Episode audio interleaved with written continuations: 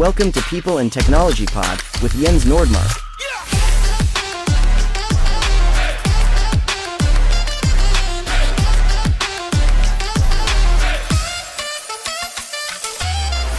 Hej och välkommen till del 1 av Technology and People-podden. Mitt namn är Jens Nordmark. Jag är er moderator och skapare av denna podd. Eh, denna podd är en podd för dig som vill veta huret. Hur gör jag min digitala transformation? Hur gör jag mina digitala vändningar? Och hur förändrar jag både min organisation med eh, ledning och även verksamheten i övrigt? Lite kort om mig själv då det här är del 1. Jag heter Jens Nordmark. Jag är någonting som kallas för digital transformationsarkitekt. Eh, väldigt fin titel som har olika benämningar. Jag har valt den titeln för att jag ville få anspråket av att kunna säga de olika bitarna. Digitala delarna handlar ju om att hur använder man teknologin på bästa sätt och hur transformerar man teknologin på rätt sätt i en organisation. Och eh, hur gör du för att få det att funka? Medan transformeringen handlar mer om människan och eh, förändringsbenägenheten och hur förändrar man organisationer från toppnivå till eh, lägre nivå inom ett företag? Och det viktigaste av allt egentligen, hur får du både businessarkitekturen och din eh, technologyarkitektur technology-arkitektur att fungera på ett bra sätt när du gör det här? De här tre beståndsdelarna är väldigt viktiga i en digital transformationsbit. Men jag kommer även som en bakgrund från eh, eh att varit ansvarig CIO, CDO och liknande saker på olika företag. Ehm, där jag har drivit mycket av den framtidsutvecklingen på bolagen. Så låt oss börja. Del 1 ehm, kommer att handla mer om digitala transformationen och benämningen eh, och varför man behöver det. Jag kan väl säga så här att eh, podden i sig, podd del 2, del 3, del 4 kommer att bjudas in gäster där vi kommer att höra om huret. Hur gör man? Kanske från de olika molnleverantörerna, eh, ledare som har lyckats med sin digitala transformation och ledare som har misslyckats. För det handlar ju om att man måste också få göra fel. Det finns egentligen ingen transformation som är helt korrekt. Vi kanske kommer till det i framtiden, men idag så måste man få göra fel för att kunna göra rätt. Och det är lite grann det som hela den här digitala transformationen handlar om. Så låt oss prata om digital transformation. Digital transformation handlar 25% om teknik och 75% om människa. Och nu tänker ni så här, nej det här är ju helt, helt, helt fel. Hur kan du säga något sådant Jens? Jo, nej men det är så nämligen att 25% teknik, det beror på att tekniken idag har kommit så pass långt att den kan utnyttjas på alla möjliga olika vis. Och det till och med finns färdiga olika moduler inom AI-komponenter och liknande som kan appliceras ganska omgående på din organisation. Men du måste ju veta vad du ska göra och hur du ska göra det. Och så viktigast av allt, hur ska du då få människan att följa med i det här? Din organisation, dina vänner, att förstå det här, vad det är man håller på med. Därför blir det 75% människa, för att människans förändringsbenägenhet är inte lika snabb som teknikens utveckling. Och därför brukar jag alltid säga att det är 75% människa och 25% teknik. Det innebär egentligen inte att tekniken är lägre i en digital transformation, utan det handlar om förändringsbenägenheten hos människan som gör att den åker ner och att den blir överlag att få jobba mer med människa. Hur gör man en digital transformation?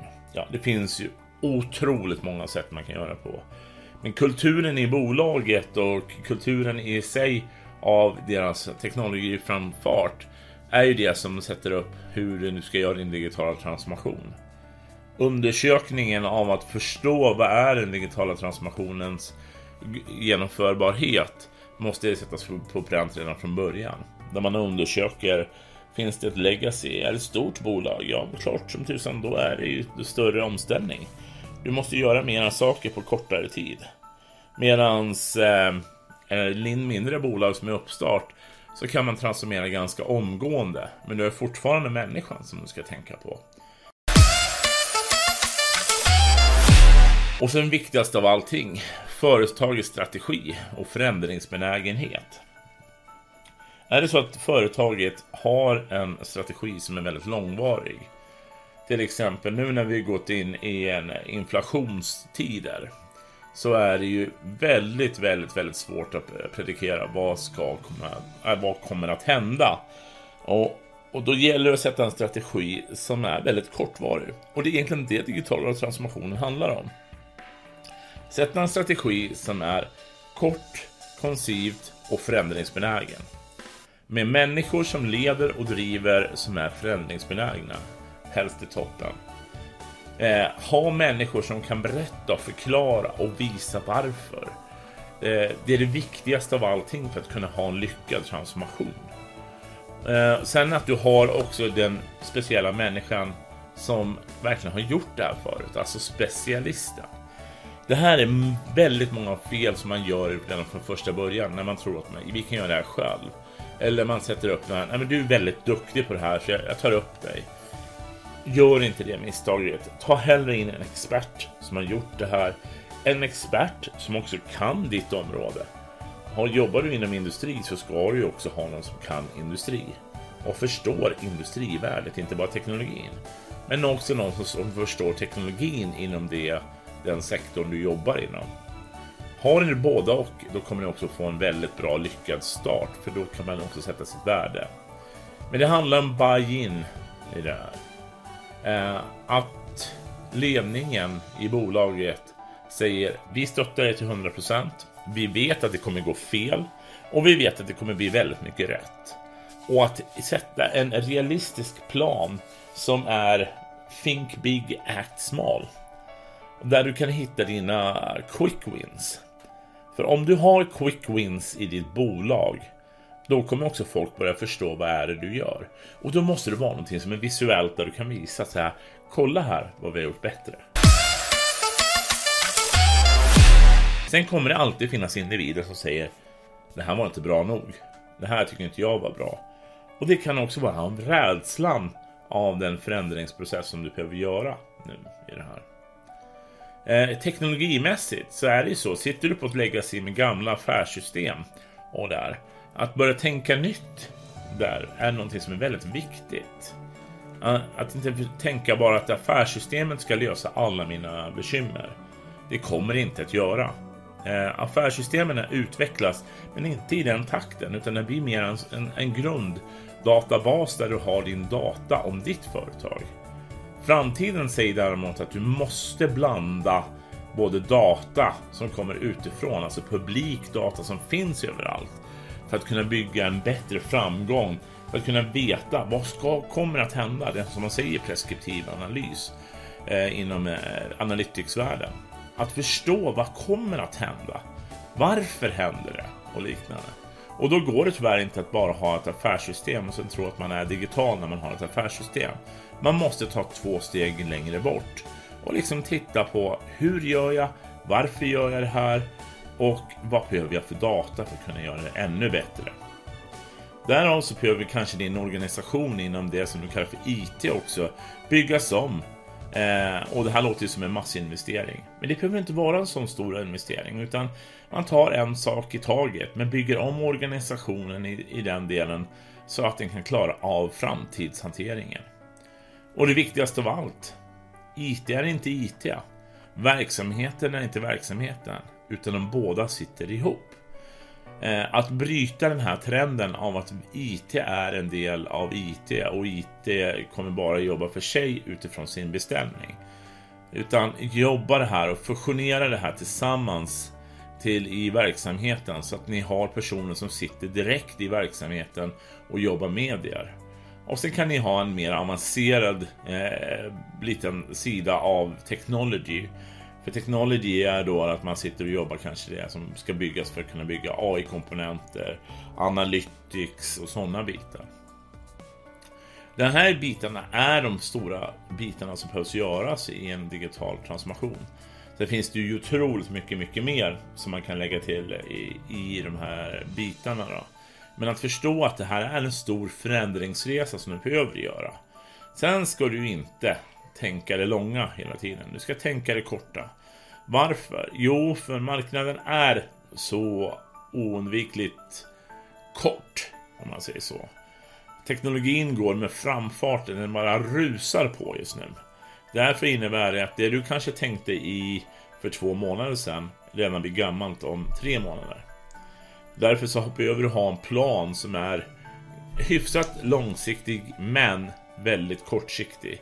Och hellre ha personer som är förändringsbenägna att kunna göra din förändringsresa så fort som möjligt när det väl behövs. Eh, och det här kan ju vara väldigt jobbigt att anamma. Och förändringen i organisationen kan ju vara enorm. Men ska du kunna vara med på marknaden i den här snabba takten som sker just nu så behöver du ha det. Därför brukar jag säga i, för ledningsgrupper när jag pratar med dem att tänk på att det är inte bara med om förändringen i ledningsgruppen utan det handlar om strategin också. Sätter du en femårsstrategi, ja tyvärr, du kommer att fallera. Du behöver sätta en kortsiktigare strategi där du kanske sätter en treårsplan men säger att det här är bara vår vision. Varav du sätter en strategi som räcker kanske redan för året och förändringen. Så att du vet att du kan vara med i den förändringstakten som behövs. Det kan vara jättejobbigt, men att hålla sig upp, uppdaterad och berätta och kommunicera är det som är det viktigaste när man gör en digital transformation. Digital transformation är också om förändringsresan med dina personer i din verksamhet. Att ge dem en trygghet av det du gör. För om du gör den här tryggheten så kommer de också känna en bättre tillit till det som händer. Att de får vara med, att de får se, att de får känna och klämma på det som man gör. Och pratar vi technology så är det så mycket, gör du en automation så kanske den inte ens märks. Eh, utan den bara händer där bakom. Men det gäller att folk förstår vad är det som har hänt. Eh, vi kommer aldrig kunna ta bort att vi måste förstå grundstrukturen i det du gör. Annars får du ett beroende av personer. Det är därför som jag säger att technology och verksamhet bör sitta ihop.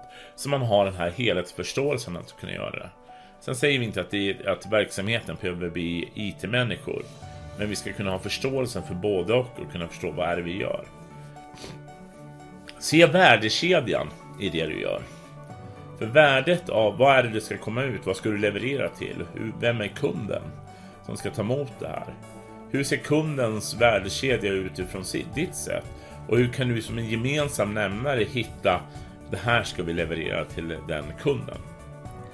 På det viset så kommer du alltid att kunna utveckla dig vidare. Att förstå kundens behov. Det behöver vi även IT-människor, precis som verksamhetsmänniskor, förstå. Att förstå att vara den här digitala rådgivaren. Typiskt exempel är eh, de som jobbar inom revision och eh, eh, lön och redovisning. Som behöver kanske mera gå från att sitta och hacka bakom en dator till att sitta mer som rådgivare för framtiden. Medan snickare och rörmokare kanske inte förändras lika mycket på det viset. Industrin där du har robotar som utför med hjälp av något som kallas för IoT, alltså Internet of Things. Och att den kan kommunicera på ett annat sätt. Men det innebär att lagerpersonalen står mera och övervakar och tittar och ser till att det saker och ting går rätt. Alla de här robotarna är inte perfekta. Utan de behöver hjälp och liknande saker så att vi som människor kommer fortfarande ha saker och ting att göra. Det är inte att vi ska sluta jobba utan snarare tvärtom att vi ser till att vi tar ett steg längre bort. Precis som vi fick göra med häst och vagn och bil. När häst och vagn och bilen kom vet man att hästägarna sa att du där kommer aldrig slå när jag ska dra upp någonting upp för berget. Och i vissa fall så använder man fortfarande hästar för att dra upp saker och ting. Men i de flesta fall så har man ju tillämpat det med lastbilar och liknande saker. Och vi har ju inte blivit arbetslösa för det, eller hur? Så att det här handlar om att hitta en tillit till det du håller på att skapa i din digitala transformationsresa. Jag själv har haft många gånger där folk har sagt till mig att Ja men vad bra Jens, det, det här låter jättebra.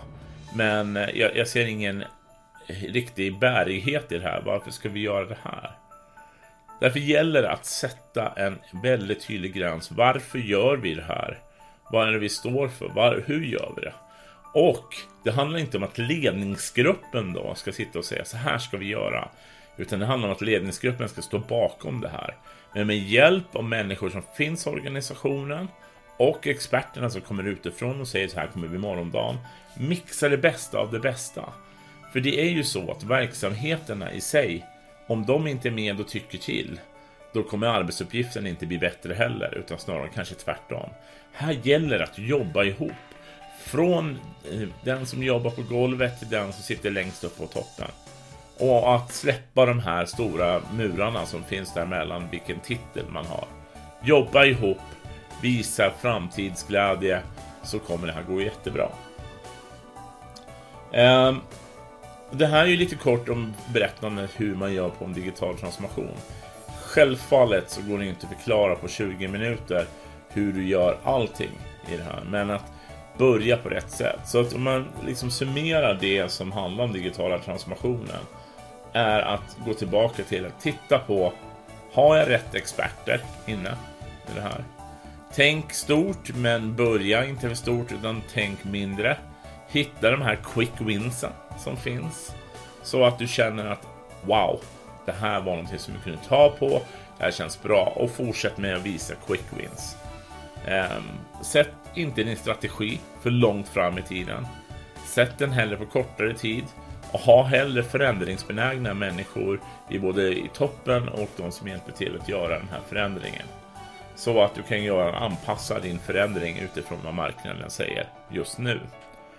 Ehm, digitaliseringens metoder eh, att kunna göra det här på enkelsätten är ju att keep it simple. Så tänk på att alltid ha det enkelt för dig själv. Och det går ju inte alltid att säga att men det här var inte så enkelt, det här går inte att göra enkelt. Nej, men gör det till den nivån där du känner att du kan faktiskt hantera det. Eh, och låt det ta tid. Det kommer ta tid. Och låt er få göra fel. För ni kommer göra fel. Det kommer inte att gå bra första gången. Utan låt det få gå fel. Säg nu gör vi om och nu gör vi rätt. I, i det stora. Ehm, och i självfallet ha förändringsbenägna personer med er när ni gör de här sakerna. Eh, har ni motsättningar, är ni rädda så behöver ni faktiskt övertyga er själva att det här är rätt sak att göra. Går ni in med förutsättningen att vi måste göra det här men jag vill inte eh, och jag förstår inte så behöver ni göra en resa som är innan det. Så att ni inte går in i den fällan. Jag har varit med allt för många gånger där man gått in i fällan av att man säger att vi ska göra det här, men egentligen vill man inte. Den förändringsbenägenheten måste finnas i en organisation. Ehm, det var väl lite grann om den digitala transformationen. Ehm, nästa gång när vi pratas vid så kommer vi prata lite mer om AI, automation, eh, och hur man hanterar det i sin organisation. Ehm, vi kommer också ta in lite gäster som jag pratade om, där vi pratar lite grann om hur förflyttar man sig till molnet till exempel? Och hur kan man utnyttja de molntjänsterna som finns idag? För det finns alldeles för många som inte vet hur man ska göra med de olika bitarna. Jag heter Jens Nordmark. Det här var del 1 av podden eh, People and Technology. Eh, jag hoppas ni har tyckt att det var lite intressant att börja med. Och nästa gång så kommer vi som sagt var gå in på lite mer av de djupare ämnen som jag sa tidigare. Och jag hoppas ni lyssnar igen. Tack för att du lyssnade. Tack. Hej då.